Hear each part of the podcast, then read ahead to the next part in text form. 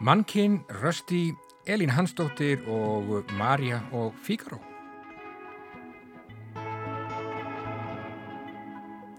Salman Rushdie lýsir störtluðum samtíma í sinni nýjustu skáltsögu Kísjott sem að kom út um síðustu mánaðamót.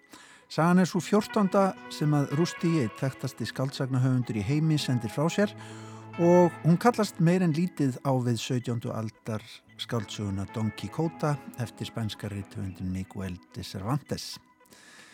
Við fjöllum um Quixote í dag í Víðsjá, rínum í viðtökurverksins en það var tilnæmt til hérna virtu búkerveluna sem að veitt eru fyrir besta skáldverk rítað á ennsku, verlaun sem að verða afhengt í Lundunum 14. oktober næstkomandi. Þetta nýja verk Rústís fær eiga síður mjög mísjafna dóma eins og við förum nánar í hér eftir stöttasnund. Og um, í þettum í dag verður ásmundarsalur við Freyjugötu einnig heimsóttur og rætt þar við myndlistarkonuna Elínu Hansdóttur sem á þar verk á síningu sem hún kallar annar staðar en Elín vinnur verkin, skúltúra og ljósmyndir út frá upplifun sinni af húsinu. Magnea Jóð Mattiastóttir þýðandi verður einnig gestur þáttarins. Hún segir okkur frá bókinni Sapiens eftir Júval Noah Harari sem kom nýlega út í íslenski þýðingu Magneu. Í þessari meðsölu bók fer höfundur yfir mannkinsöguna í stuttu máli en bókin er jafnframt bókvikunar á rás 1 í þessari viku. Já og uh, Marja Kristjánsdóttir, leiklistar Rínir Víðsjár, hún uh, segir hlustundum frá skoðun sinni á uppfærslu íslensku óperunar á brúðkaupi Fíkarós í þjóðleikúsinu sem að, já, frumsýnt var um síðustu helgi. En fyrst eru það bókmentirnar sem að tegja sig og áhrif þeirra yfir aldir.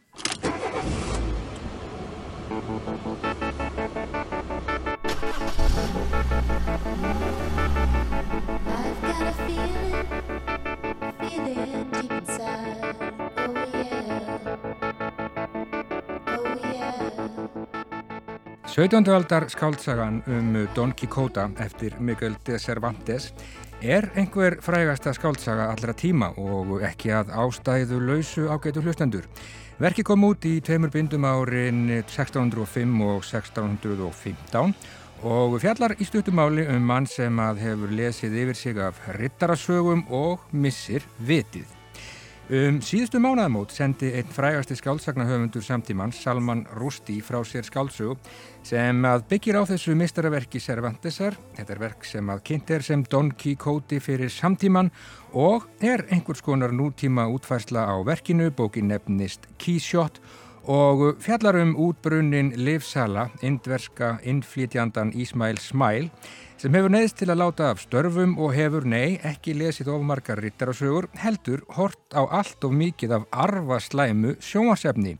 Og já, rétt eins og Don Quixote forðum, glatað glórunni. Hann er haldinn brjálaðislegri þráhyggjugagvart sjónvarsþáttastjórnanda sem að minnir mjög á ófru Vinfrey, er einhvers konar ófra 2 og sendir henni reglulega handskrefuð ástarbref í vonum að vinna hjarta hennar kvitar undir með dulnefninu Kísjótt og leggur síðan að stað í leiðangur á gráum Chevrolet Cruze til að hafa upp á konunni sem heitir ekki Dulcinea eins og draumadís Don Quixote í verki Cervantesar heldur Salma R og er indversk amrísk superstjarnar. Við erum ekki í La Mancha eins og Don Quixote forðum heldur í bandaríkjónum Trump landi þótt Donald Trump sé reyndar aldrei nefndur á nafn í verkinu og já, sagan gerist Vestanhafs. Kísjótt tilherir henni svo kvölduðu bandarísku röð í höfundarverki Rústís sem hófst fyrir 20 árum með útkomu rockskáldsögunar Jörðin undir fótum hennar sem inniheldur nútíma útfærslu á góðsögunni um Orfeus og Evridísi frá árinu 1999. Í nýju bókinni liggur leiðin til New York.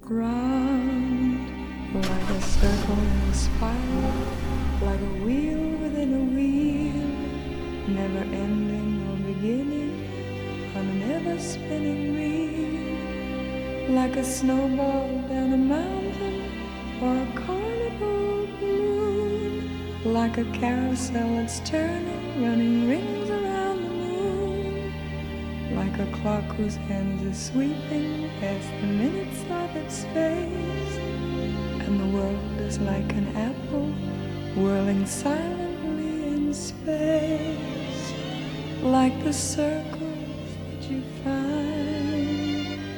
in the windmills of your mind. Í för með söguhetjunni er ímyndaður skjaldsveitn ekki Sancho Panza heldur sá sonur sem okkar maður Ismail Smile hefur alltaf þráð að eignast. Á leiðsynni til New York rekast þeir feðgar á ofbeldisfulla rasista menn sem hafa breyst í fíla, krippur sem tala ítölsku og talandi bissur. Þetta er ferðalag um heim sem er í andarslítrunum, heim sem einkennist af stöðu og móta við endarlokin, þetta er heimur falsfrétta og lega. Amríka skáldsögunar einkennist af sjúkleika, hugarórum og óstöðuleika, rústi lýsir tímum þegar allt getur gerst einn daginn, leikamenn fórsetta í sjónvastáttaröð, næsta dag eru þeir orðnir fórsettar í alvörunni. Allt matreiðir Salman Rústi þetta með sínum hætti og sjálfnast langt í töfra raunsæið. Já, þetta er Salman Rústi og hann er þeirra skoðunar að raunsæið duði ekki lengur til að lýsa voru geggjúðu veröld. Eða eins og einn personan í skáldsögunni Kísjótt kemst að orði til að lýsa raunverulegu lífi eins og það er hér og nú eins nákvæmlega og mögulegt er þarf að grípa til surrealisma, það þarf að grípa til fjárstæðunar. Skálsagan Kísjótt er tilnefnd til búker verðlaunana þessu sinni. Hún er á hennum svo kallaða stutta lista yfir sex bækur sem byrtur var á dögunum. Önnur verk á listanum eru The Testament, skálsaga eftir kanadíska reytöfundin Margaret Atwood sem kemur út í dag og er framhald skálsögunar The Handmaid's Tale frá árinu 1995. Ducks Newburyport eftir Lucy Ellman, Girl, Woman, Other eftir Bernardine Evaristo, An Orchestra of Minorities eftir Chigoshi Obiama og 10 Minutes 38 Seconds in This Strange World eftir Elif Sjavak velunin verða afhendi í Lundunum þann 14. oktober næstkomandi. En eh, þrátt fyrir að hið nýja verk Salmans Rústís sé á þessum lista þá eh, hefur það eigið síður fengið misjafna dómaverki eða sagt kátíst sem þarf svo sem ekki að koma óvart þegar Salman Rústi er annars vegar. Í The New Statesman er því hreinlega haldið fram að Salman Rústi missi margs í þessari nýjustu skáldsögu sinni. Sagan sé, já, vannvirðing við tíma lesandans, greining rústís á heimi á istu nöfþykir, ekki rista nógu djúft megnið af skáldsögunni er sögð háðs ádeila á sjónvarstjörnur og þá þjóð sem þær dýrka. Oft með slæmum afleðingum eins og dæmin sanna um stórumálinn, kynþáttahyggju, bissueign, innflétjandamál, kynferðislega misnótkun er röstísagður fjalla á fremur yfirborðskendan hátt. Personurverksins eru sagðar lítið annað en einingar í einhvers konar bókmyndalegum leik og já, þessi nýjasta skáltsaga Rústis er bókmyndalegur leikur metafiksjón, rétt eins og skáltsaga Cervantesar forðum, sagan af gamla, útbrunna, livsalanum Ísmæl Smæl er saga inni í sögu sem sögðar af mishefnuðum hjartveikum njóstna sagnahöfundi að nafni Sam Duchamp. Og sagan er einnig sögð virka þannig á lesandan að höfundurinn sé að reyna að hafa loka orðið um hvað eina áður en heimurinn endar. En eh, skálsagan Kísjótt er eigað síður sögð minn okkur á þá staðrind að í samtímanum rugglum við stöðut saman skálskap og veruleika Þetta eru kíkótískir tímar, mörkin millir lífs og listarverða óljós, skrifar Salman Rústi, ástand sem gefur þeirri skelvilegu og algengu skoðun um að það sé engin sannleikur lengur sem við getum öll samþygt byr undir báða vangi. Við eigðum tíma okkar í baráttu við vindmilur eins og rittarinn sjónum hryggi forðum.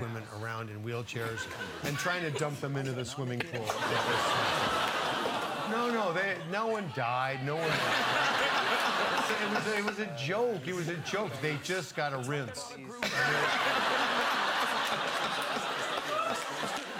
En hvað sem því líður þá leggur Salman Rösti hér til allögu við samtíman og vindmillur hans í þessari nýjustu skálsögusinni sem er svo 14. í röðinni. Hann leggur til allögu við menningu og stjórnmál í upphafi 20. og 1. aldar Hann leggur til allögu við allt rustlið í kringum okkur sem byrtist jú ekki síst á sjónvarpskerminum. Og hann gerir það greinilega með sínum aðferðum, hann er sennilega ekki búin með amfetamínið. Sagan er sögð einkennast af fjörugu ímyndunarafli, um leið og rústi daðrar við nánast hverja einustu bókmyndagrein sem hann hefur nokkur tíman komist í tæri við. Þetta er píkareska og satýra bókmyndalegur speklasalur með tilherrandi flugveldasýningum í anda rústís og skýrskotunum til Lísu í Öndralandi, Moby Dick, Gosa, Nasirninga, UNESCOs og Lolítu Nabokovs og nokkuð sé nefnt. Þessar vísanir eru hrikalega snjallar skrifar gaggrinandi The Washington Post en þær eru að samaskapi afar þreytandi bætir hann við. Rústi skýrskotar til samtíma menningar, hið alfræðilega element skálsögunar er hér til staðar en í tilfelli Rústís þá missir þetta Marx verkið er sagt að renna saman við þá ruslmenningu sem höfundurinn ætlaði sér greinilega að gaggrina. Gaggrinandi The Guardian kennir internetinu um það og segir að það ætti að hindra aðgang Rústís að leitarvílunni Google. Sami gaggrinandi skrifar að þegar Rústi tóni aðeins niður allt fjörið og fyrir gangin skrifi hann prósa sem sé í senn fagur og tær Sagan sé sannarlega fyndin sem kemur auðvitað ekki á óvart þegar Salman Rushdie er annars vegar. Hún sé hins vegar ekki eins fyndin og höfundinum sjálfum finnst hún greinilega vera. Run like a circle in a spiral Like a wheel within a wheel Never ending or beginning On a never spinning reel Tilraun sem mistókst nú eða ekki allt endar þetta vist með ástinni í þessari nýjustu skálsögu Salmans Röstís. Ísmail Smæl, livsælinn gamli, trúir sannlega á ástina eins og Don Quixote forðum. Eina móteitrið gegn mannlegri eimd er ástin, segir hann undir lok bókar. Skálsagan Q enda á íhugun um tungumálið sem gaggrinandi The New York Times segir að sé fögur í einfeldni sinni Árétting um mikilvægi þess að bera vittni segja sögu í eilífri baróttu okkar við það sem hverfur og já, allt hverfur. Eða eins og segir á einum stað í verkinu, lífið hefur breyst í röð af svipmyndum sem byrtast og hverfa. Eitthvað sem við póstum á hverjum einasta degin er síðan horfið daginn eftir við eigum okkur enga sögu lengur. Ef markam á skrif gaggrinnenda þá er Salman Rösti í þessu nýja verki í baróttu við nákamlega þetta söguleysi okkar eigin sturdlaða já og snargeggjaða samtíma okkar kíkótísku tíma og Ef einhver kann að segja sögur þá er það Salman Rushdie, Kísjótt, árgerð 2019, misjafnir dómar svo sannarlega. Þetta er Salman Rushdie og menn gera kröfur ég ætla samt að lesa.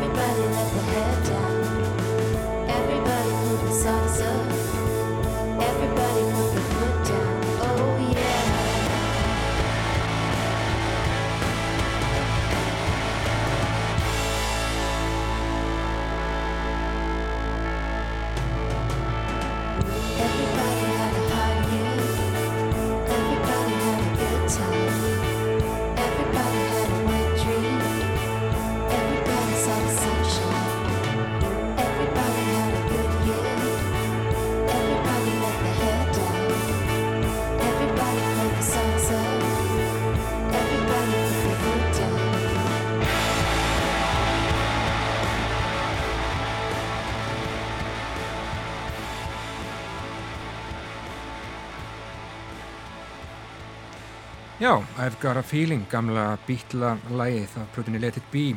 Hér er flutningi hljómsveitar sem að kemur frá Kanada og heitir The Bestnard Lakes. Salman Rusty fær sannarlega misjafna dóma fyrir nýjustu skáldsögu sína Keyshot en hún er eins og áður segir eigið síður tilnæmt til búker velunana sem verða afhendi í Lundunum þann 14. oktober næstkomandi. Við höldum áfram í bókum. Bókin Sapiens, mannkinsaga í stuttumáli eftir Ísraelska sakfræðiprofessorin Júval Noah Harari hefur vakið mikla aðtegli á undanförnum árum um heim allan. Hún er komin út í íslenskri þýðingu Magnu Jóð Mattiastóttur. Já, og svo þýðing er bókveikunar hér á rásætta þessu sinni og verður rætt á sunnudagsmorgun þegar Jóhannes Ólafsson fær til sín góða gesti. Við hér í Víðsjá fáum hins vegar að heyra úr spjallið þeirra Jóhannesar og Magnu svona til að setja hlustendur rásareitt í gýrin.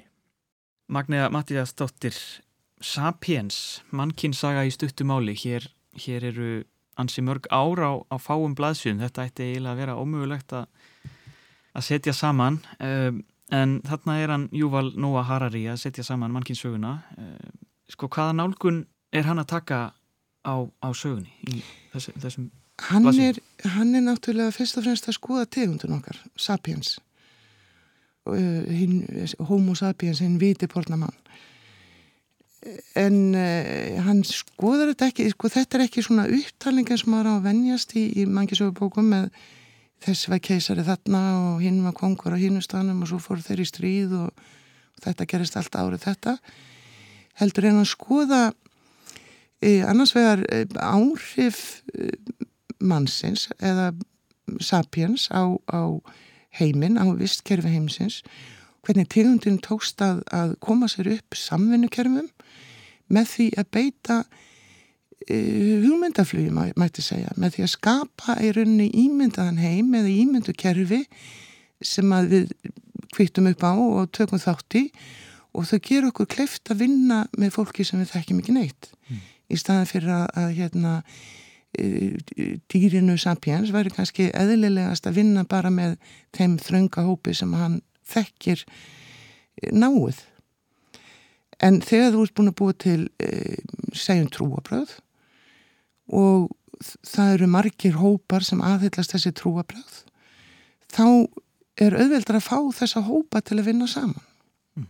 og, og þetta hefur þetta telur Harari vera í rauninni það sem að þessi dýrategund Sapiens hefur fram yfir aðrar að geta skapað þennan ímyndaða heim þessi ímynduðu kerfi sem eiga sér í rauninni ekki neina sérstaklega stóð í efninsheimi mm. þetta er allt meirið að minna Eh, huglegt og verður aldrei kemur aldrei til fram eh, sagt, er ekki hægt að framkvæma eða, eða nýta sér nema við séum nógu mörg sem að trúum því sama mm.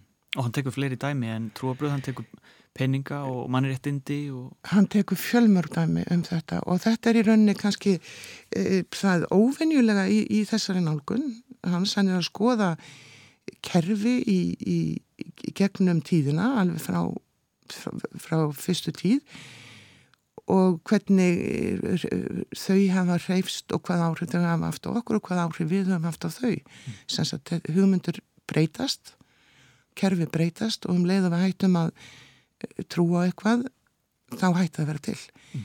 eða mætti kannski, mér langar aldrei það er eina, hann tekur ágætt dæmi um Peugeot og mér langar pínulítið að ég mætti lesa smábút mm -hmm. bara pínulítið Endilega.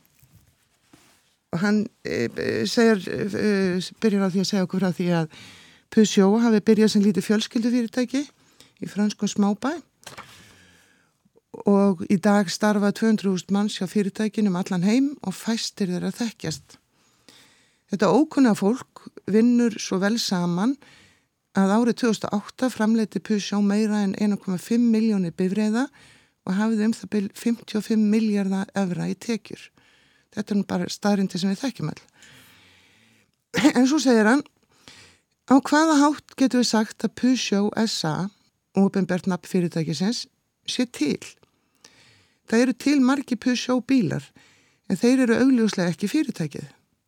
Jafnvel þótt allir Peugeot bílar heimsins væri teknur úr umferði einu og seldur í brotajátn myndu Pusjó SA ekki hverfa. Það heldi ánfram að framlega nýja bíla og senda frá sér áskíslur. Fyrirtæki á versmiðjur, vélabúnað og síningasæli og hjá því vinna byrvílavirkjar, bókaldar og rítarar en Pusjó samastendur ekki að þessu þótt að sé allt tekið saman. Hamfærir gæti orðið hverjum einasta starfsmæni Pusjó að bana og eigðilegt síðan öll færibandars og skrifstofur. Jafnvel þá gæti fyrirtæki tekið lán, ráði nýtt starfsfólk, reist nýja versmiður og keft nýja vélar. Pusjó hefur stjórnendur úr hlutafa en fyrirtækið samastendur ekki heldur af þeim. Þótt allir stjórnendurinn var reknir og öll hlutabrifin seld, stæði fyrirtæki sjálft alheilt uppi. Þetta þýðir ekki að Pusjó SA sé ósæralegt eða útöðilegt. Ef dómari sendi frá sér úrskurðum að leysa fyrirtækið upp, myndu versmiðið að standa áfram og verkamennir, bókararnir, stjórnendundir og hlutafnir lífa áfram en Pusjó SA myndi samsnöndis hverfa. Í stuttumáli virðist Pusjó SA ekki hafa neyn raunveruleg tengst við efniseimin. Er það þá raunverulega til? Og það má segja sannst, að þetta sé spurningin sem hann er að skoða. Mm. Hann er að skoða kerfi sem við höfum búið til á svipaðan hátt og þessa hugmyndum Pusjó sem er hægt að stopna vegna þess að það er lagagjörningur sem gerir kleift að stopna svona félag en hann er líka ímyndaður þetta er bara, þetta er allt hugarsmýð mm. mannsandans og þetta dæmi væri hægt að heimfara upp á trúabröð, upp á pólitík, upp á peninga og svo ótal, ótal margt annað sem við erum að, að tökum okkur fyrir hendur og, og, og teljum vera að hluta af einu raunverulega heimi. Akkurat. Og þetta er það sem að hann nefnir sem eitt af því sem að einkennur okkur sem tegund og, og svona okkar, okkar velgengni um, en svo er eitt annað áhugavert að hann segir við vorum ekki alltaf einn við vorum, það voru fleiri tegundir manna og, og þetta er kannski við í rauninni, við höfum alltaf haft þessa hugmyndum að, að við komum eh, einn af öðrum og hver öðrum uppréttari þá getur við stóðum uppi sem segjuvegarar Já, það er nefnilega það. Þetta er fyrsta hugmyndin sem tegur frá okkur. Þetta er náttúrulega ránkvömynd mm -hmm. því þá eru uppi margar tegundir mannkins á sama tíma og hér og hvar í, í, í heiminum. En Sapiens hefur einhvern veginn orðið ofan á og Harari grunar tegundun okkar um græsku hann telur okkur seg um að hafa útrýmt öllum hínum mann tegundunum mm. alveg eins og við þurkuðum út öll stóru dýrin í Ástralíu og, og hefum valdið gríðalegum breytingum og skada á visskerfi hvar sem við höfum komið mm. og hann reykur þessa sögu ágæðlega og veldir upp spurningum sem er gaman að, að að hérna, spá í eins og hvernig væri heimurinn að nýjandendelsmann væru ennþá til, svo dæmis í tekið mm. og væri við kannski þá væri þá rasismenn okkar myndan beinast gegn nýjandendelsmannu frekar heldur en fólki öðrum hörumslitt það er svona ímislegt það sem er kannski mestir styrkur þessara bókar, hún kemur að velta fyrir sér alls konar spurningum sem að hafa ekki bært kannski mikið á sér að því að það er svo ótrúlega margt sem við lítum á sem algjör sannendi til dæmis þetta með að við höfum þróast frá einhverjum apa, svo kom Lucy, svo gerðist svo kom þetta og, og mjög gætna litið svo á að, að sko neandilsmenn hafa bara verið eitt stig á þróunaferðinum og svo kom Sapiens. En þannig er það alls ekki. Sagði Magnea Jón Mattiastóttir þýðandi í spjalli við Jóhannes Ólafsson um bókina Sapiens mannkinnsaga í stuttu máli eftir Júval Noah Harari sem er bók vikunar hér á ráseitt að þessu sinni og verður rætt á sunnudagsmorgun þegar viðmælendur Jóhannesar verða Arnar Pálsson, erðafræðingur og Íris Ellenberger, lektor á mentavísindasviði HÍ. En það er Ryggning í Reykjavík og svo sem víðar um land í dag ágetur hlustendur á þessum þriðju degi. Engin ástæða til að láta degan síga samt. En Þetta er veður sem að kallar enga síður á ákveðna gerð tónlistar. Við heyrum hér blues þar sem einn saxofónleikarin, Sonny Stitt, heyrar minningu tvekja annara kollega sinna, þeirra Lesters Young og Charlie Parker. Þeir voru kallaðir Press og Bird og lagið heitir því einfallega Blues for Press and Bird, kom fyrst út á kvartetaplötu Sonny Stitt árið 1971.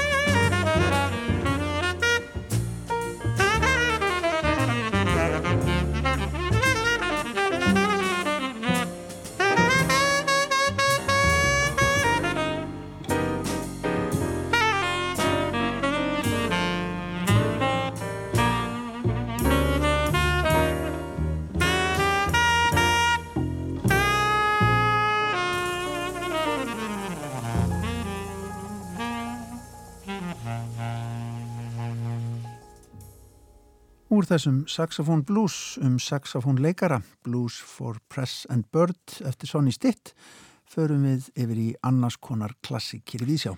Já, Marja Kristjánsdóttir leiklistar rínir Víðsjár, hún varð vitni að brúðkaupi Fígarós og Súsönnum, Íslenska óperan komin á kreik í þjóðleikúsinu. Vinkonu mín einn vil leggja niður þjólikúsið og breyta því í óperhús. En ég verða að þykjana með því að stóra sviði í þjólikúsinu eru vissulega hendura fyrir leik en eldborgin en hljómburður fyrir hljómsveitir sínu verri. Það ofinbyrðaðist mér á lögadagi var á frumsýningu á brúkupi Fíkarús eftir Wolfgang Amadeus Mozart. Æsla fullu gaman óperu eða ópera buffa samti Mozart árið 1786 við libretto ítalans Lorenzo da Ponte. Er byggðið á byltingasinnuðu leikriti frakkans Pierre Beaumarchais en útvatnaði nokkuð. Þar er ekki aðalutverkum yfirstettin heldur alltíðu fólk, þjóttnin Fígaró og þjónustu stúlkan Susanna á brúköfstegi sínum, en þau eru þjónarspænska greifans Alma Víva. Hann hyggst nota valsitt og stöðu til að komast yfir súsanu fyrir brúköpsnóttina. En komin er í veg fyrir ráðabruk hans með ymsum farsakendum klækjum og bröðum þar sem afbríðir með framhjáhöld og kynorkan koma einnig við sögum. Greifin er auðvitað lokum af fjúbal og allt fer vel. Í kynning á síningunni er svo ástæða gemi fyrir því að óperan er sínd í þjólikúsinu að verið sé að minnast tíu ára ammali íslenska óperan en fæðingadelt óperuflutnis á Íslandi var auðvitað þjólikúsið. Eva semta menn taka öllum slikum yfirlýsingum á torþugni og mig grunar að leikstjórin John Ramster hafi ekki talið sér geta sett rúkaupið upp í Eldbergasalunum. Hann hefði sagt, ég hef verð að hafa ringsvið og þess vegna sé síningin á fjölum þjólikúsins. Og ringsviðið er sko notað í þessari síningu. Leikmyndar og búningahönnurinn Bridget Kíma, graðar, garði og ótal, ótal vistarverum inni og úti í höll greifans á ringin. Hallandi pallar tröppur er þar og nöðsynlega dyr fassans sem eru einnig notaði skemmtilega til að opna sínin í önnu rými aðra atbyrði. Og framvindan rennur liðlega fram í þessari leikmynd. Allt er þar líst í margvíslegum pastellítum, sumt fallega skýrt og reynd fyrir augað, annað kraðagslegt og reynlega ljótt fyrir minnsmegg, svo sem herbergi þeirra Fíkarus og Súsunu. Þá eru söm rýmin nokkuð þraung fyrir kórin. Hver og eitt búningur virðist vera unnin að mikillir nákvæmni, jafnvel kórfélaga. Perióta verksins er í búningi greifinninnar. Hjá öðrum er tímin ekki eins ljós eða afstæður. Búningakúsins eru stundum leiðilega litskruðir í myndinni en hárkólla, hver bjóð eiginlega til hárkólluna, það kemur hverki fram. Og krínolína greiðvinninar ákallega flott og leikvenn. Yfirleitt er skemmtilegt hvað hug, být, samlega er leikið með búninga og höfuföld. Leikstjórin sem nýtur aðstofar Katrínar Gunnarsdóttur í kóriografinu er góður personleikstjóri og aldrei þessu vant sínir hver einasti söngvari í reyfingum og látæði ágæta leikhæfileika sem er sérstaklega aðdánarvert því að öllu erfiðara er að fást í gamanleik en drama. Hvað þá verk sem krefst annars einn saða og léttleika og þetta. Andrei Silikovski sem greifinu virðist þó í einhverju fílu. Að minnstakosti hef ég séð hann betri í þessu hlutverki. Hann bætti það þó upp í sögnum.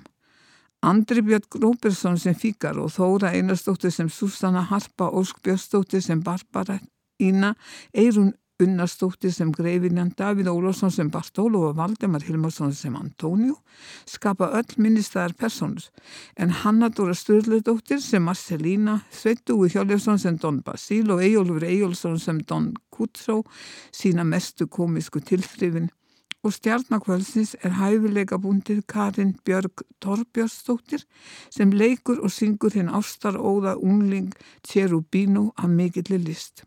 Í personugallerið bætir leikstjórin við fjórum þöglum sannýjum sem oft skapa fallega myndir þegar þeir aðstóða fylgjast með og jáfnvel tólka á sinnhátt þar sem er að gerast á sviðinu.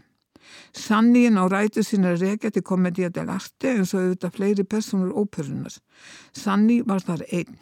Þjótt fulltrúið þeirra uppflosnuð bænda frá Bergamo sem á 17. öld fylgdu borgir Ítalju.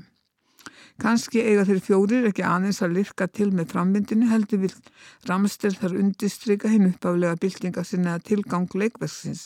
Kanski minn okkur á flóttamenn. Þó er það sennilega full langsótt hjá mér því að í heildasvipnum dregur leikstjórin fremur úr rótækninni. Það er á stundum einhver bresk, naturalísk, ofgnútt og smásmikli hjá honum og leikmyndategnarunum eins og þau vilji koma að öllu sem þau kunna.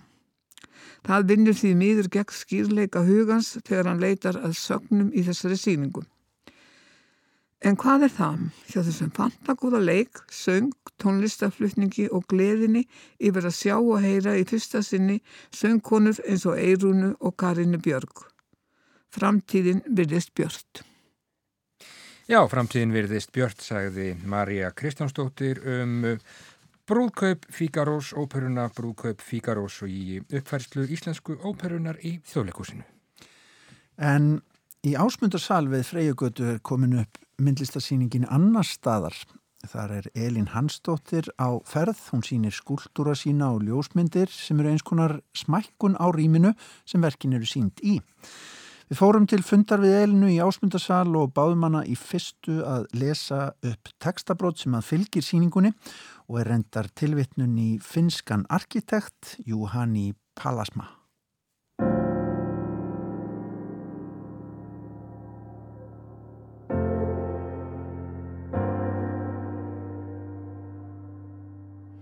Ég mæti borginni með líkama mínum. Fótlegginnir mæla lengt bógagangana og breytt torksins. Ómeðvitað varpar augnaráð mitt líkama mínum á framhlið domkirkjunar þar sem það reykar yfir út högvið yfirborð og útlinur. Skinjar skorur og framskott, þing líkamanns mætir gegn hilli domkirkjuhurðinni og höndin grýpur um hurðarhúninum leið og ég gengin í svarthólið handan hennar. Ég upplifi mig í borginni og borgin þrýfst vegna minnar líkamlegu reynslu. Borgin og líkami minn diffka og skilgreina hvort annað. Ég bý í borginni og borgin býr í mér.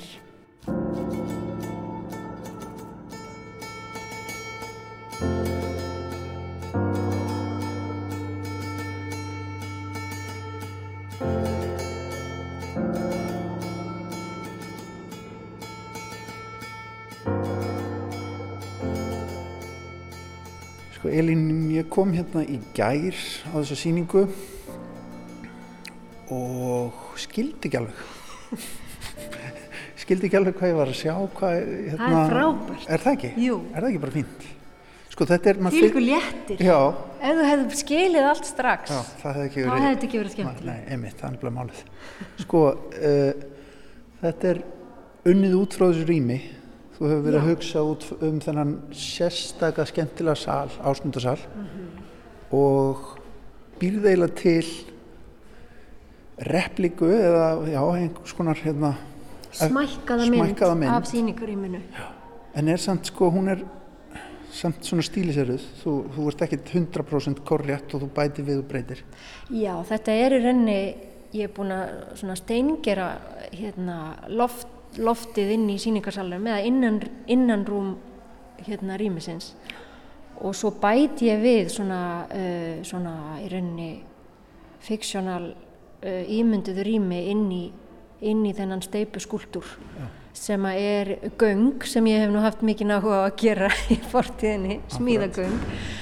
Og hérna þannig að ég, ég sneiði í rauninni rýmið í tvent og tek það í sundur eins og ávöxt og, og þar inni leynist hérna svona, já, er leyni rými sem að, sem að er í rauninni í þeim hlutföllum sem að manneskja væri í, í þessari stærð, í þessum skala. Þannig að þetta eru göng sem að ef maður fengi að ganga inn í göngin þá, þá myndi maður lappa hring eftir hring eftir hring og, og ekki, það myndi ekki leiða neitt. Já, ef við reikum augan, hérna, svona augun onni þetta, þá er þetta þetta ringform og maður sér eiginlega, jú, maður sér smá bjarma af ljósi hinum meginn frá, þannig að maður átta sig á ringdæminu uh, og einhvern veginn, maður sér líka fyrir sér þegar maður horfir á rýmið sem við stöndum í, að þá sé þetta rýmið þitt, tilbúna rýmið að þinni, það svífur einhvern veginn hérna líka. Já, í það var markmiðið að, að sjá hvort að, að því nú hef ég svona undanfærin 10-15 ár verið að smíða stórar innsetningar þar sem að maður gengur inn í og einhvern veginn missir svolítið átt, áttirnar. En í þetta skipti langaði mig til að skoða hvað gerist ef ég smækkar í mig og, hérna, og, og, hérna, og stækka þær hlutfalslega manneskjötnar sem eru að horfa á þetta ímyndaða rými sem að, sem að listuverkið er. Mm -hmm. Ég verði að fá að spyrja þú út í hennan gula lit, já, þessir steinklumpar sem eru jú þessi salur, uh, tvískiptur og í upp, uppskiptur, eða slitin í sundur eiginlega salurinn. Uh, svona hágulur, svona jarðar, tótn einhver. Þetta er, uh, þetta er sérstakur svona sérstakt litarefni sem settur út í steipu og, og þessi litur, þetta er turmerík, þetta er svona Já, þetta er eins og kryddið. Já, já, akkurat og það er einhvers konar svona kannski uh, hann er mjög aðlæðandi og maður er svona að laða strax á hann og hann er svona hlýr og, og Svona matabóð. Akkurat, nákvæmlega en það er einhver svona kannski líka turmeríkar rót þannig að það er einhver svona tenging við einhvers konar svona rætur og, og hérna niður í jarðvegin Hvernig er efnið steipan að vinna með? Það nú þá, það nú kannski svona líka tengingin við ásmund mm. sem að náttúrulega uh, byggði þetta rými til að vinna í, þetta var og, og, hérna, og hann er náttúrulega algjör svona inspirasjón fyrir mig og, og ekkit endilega verkin hans.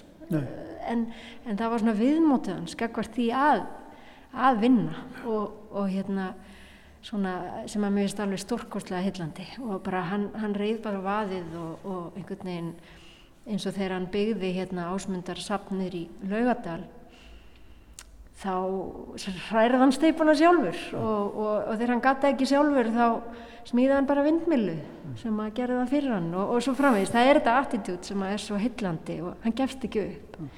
Og það var líka svo lítið atriði hérna fyrir þessa síningu, fyrir mig persónulega, þá langaði mig að gera allt frá grunni, allt sjálf frá grunni, þannig að ég smíðaði mótin utanum þessa skúltúra og hærðisteipuna og smíðaði þessi uh, göng sem að fara þarna inn í og, og lærði voðalega mikið bara þetta handverk í gegnum það að gera það, prófa mig áfram og gerði náttúrulega þúsund mistök og, en í hvert skipti þá var það betra og betra og svo einhvern veginn endar það þannig að maður að það tekst. Mm -hmm.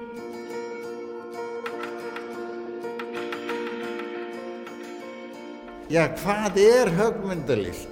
Og, og þá dettur mér í hug að það er ekki bara mannslíkamin sem hann á að gera heldur, heldur, er það, heldur er það okkur varðar um öll form sem kemur frá mannshendinni sem er fyrir framann augað hjá fólki. Og þá, þá kemur ekki hvað síst í huga mínum allir bæir og, og hvernig leikja götur og hvernig á að leysa uh, blikkbeljuna og hún fái plás og fleira svo að þetta hefur daldi breyst hjá mér. Viðhorfið til mynd, uh, myndlistar núna på síkastið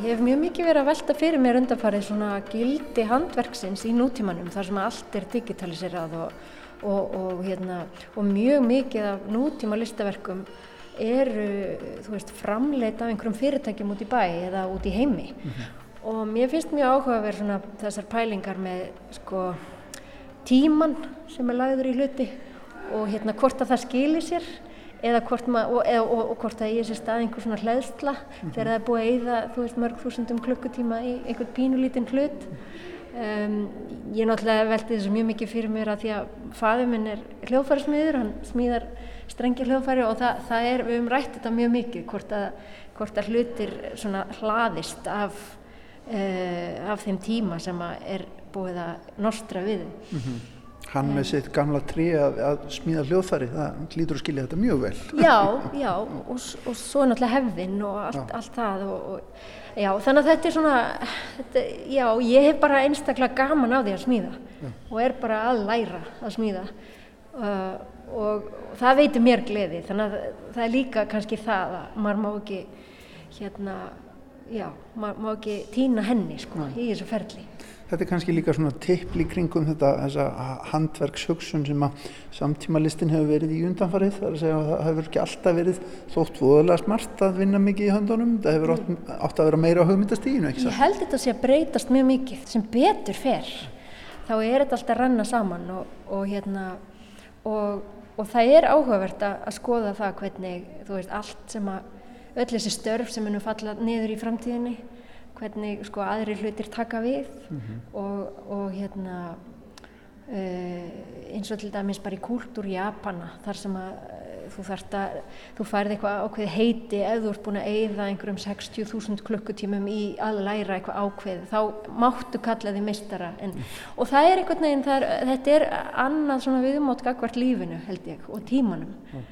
að hérna sem að mér finnst mjög hillandi og hérna og líka skoða það hérna hvort það sé einhver munur á því að, að, að hérna veist allt það sem er handgert er náttúrulega uh, það er manngert og, og, og hvað, hver er munurinn á því manngerða og því sem, er, sem að velar framleiða? Það er svona það er náttúrulega það sem að sker okkur frá og það er kannski þessi ofullkomleiki sem að er heillandi líka Í þessum sál þá hérna þar sem að þú ert með eiginlega að því manni finnst svona óður til þessara salar eh, þá fer maður að horfa á þessar ljósmyndir sem vart með hérna líka sem eru teknar, er það ekki inn í mótinu að skuldurum?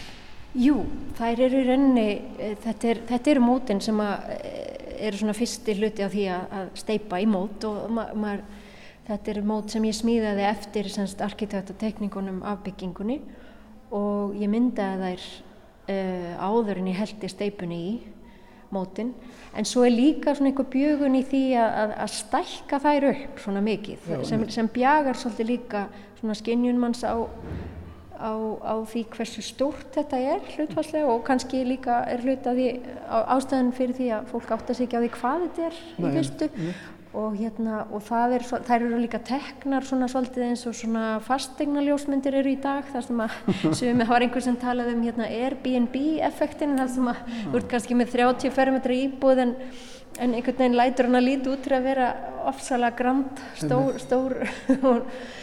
Þannig að þetta er svona líka einhver svona bjögun í gegnum miðil, ljósmyndamiðilinn Svo er annað sem gerist maður, ég fór í gær þegar ég horfið á þessa myndir þá fór ég að horfa upp í loftið og maður fyrir að taka eftir alls konar svona, það er til dæmis ekki alveg búið að mála þetta núna eftir síðustu umferð svona alls konar svona skemmtilegt sem gerist við það að, að yrkja til húsins eiginlega. Já og, og, og mjög margir sem að halda líka þetta séu málverk sem er mjög áhugavert af því að það í rauninni sérst öll smáadriðin spastlið og kýttið sem ég nota til þess að í rauninni þjætta mótin. Það virkar eins og svona hérna vasslítamálverk eða, eða einhvers konar svona, já, teikning það er svona teikning í efninu. En það má kannski segja það líka að, að það er svona, þú veist, það er hérna fortíðin sem er svolítið þessi bygging og svo eru skúltúrurnir hérna sem er núið svona það sem er hérna hér og nú og svo er, það er svona smá svona dystopísk hérna, dystopísku fílingur í þessum ljósmyndum, það er svona nánast eins og þetta gæti verið hérna eh, ásmundarsalur eftir 200-300 ár þar sem er búið að hérna loka fyrir glukkana og maður veit ekki alveg hva, hvað er í gangi hérna úti eða, það er svona, já, þannig að þetta er svona Svona fjarlæð framtíð. Já eða ekki svo fjarlæg og, vonandi ekki svo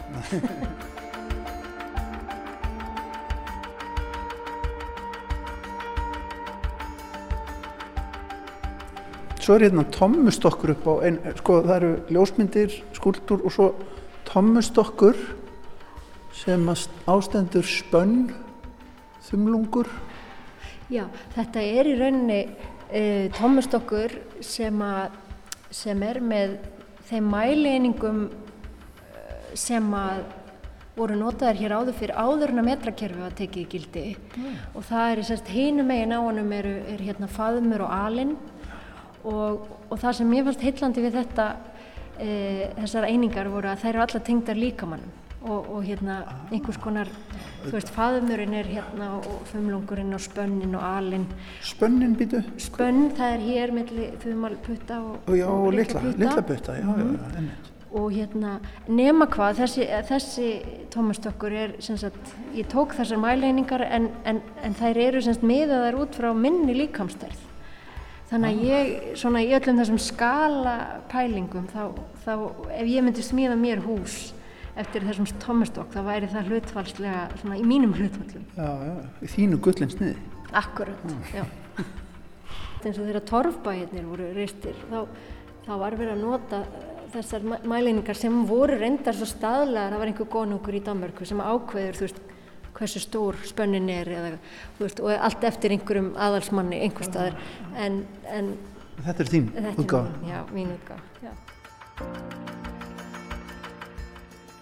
Þeir segja, það er einhver viss húmor í þessu öllu hjá þeir, þeir eru búin að skoða hérna.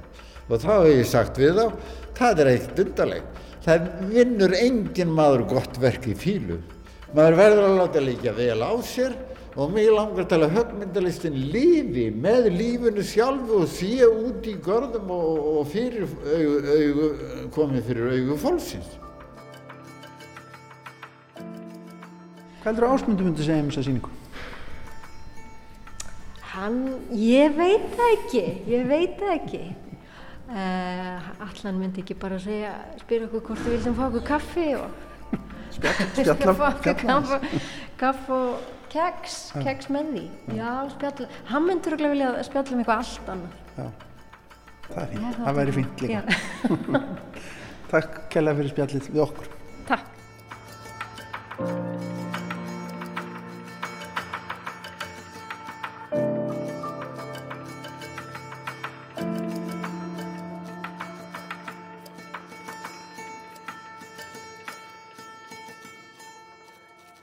Elín Hansdóttir myndlistakona sað okkur frá síningu sinni annar staðar sem nú er uppi í ásmundasal við Freyjugötu.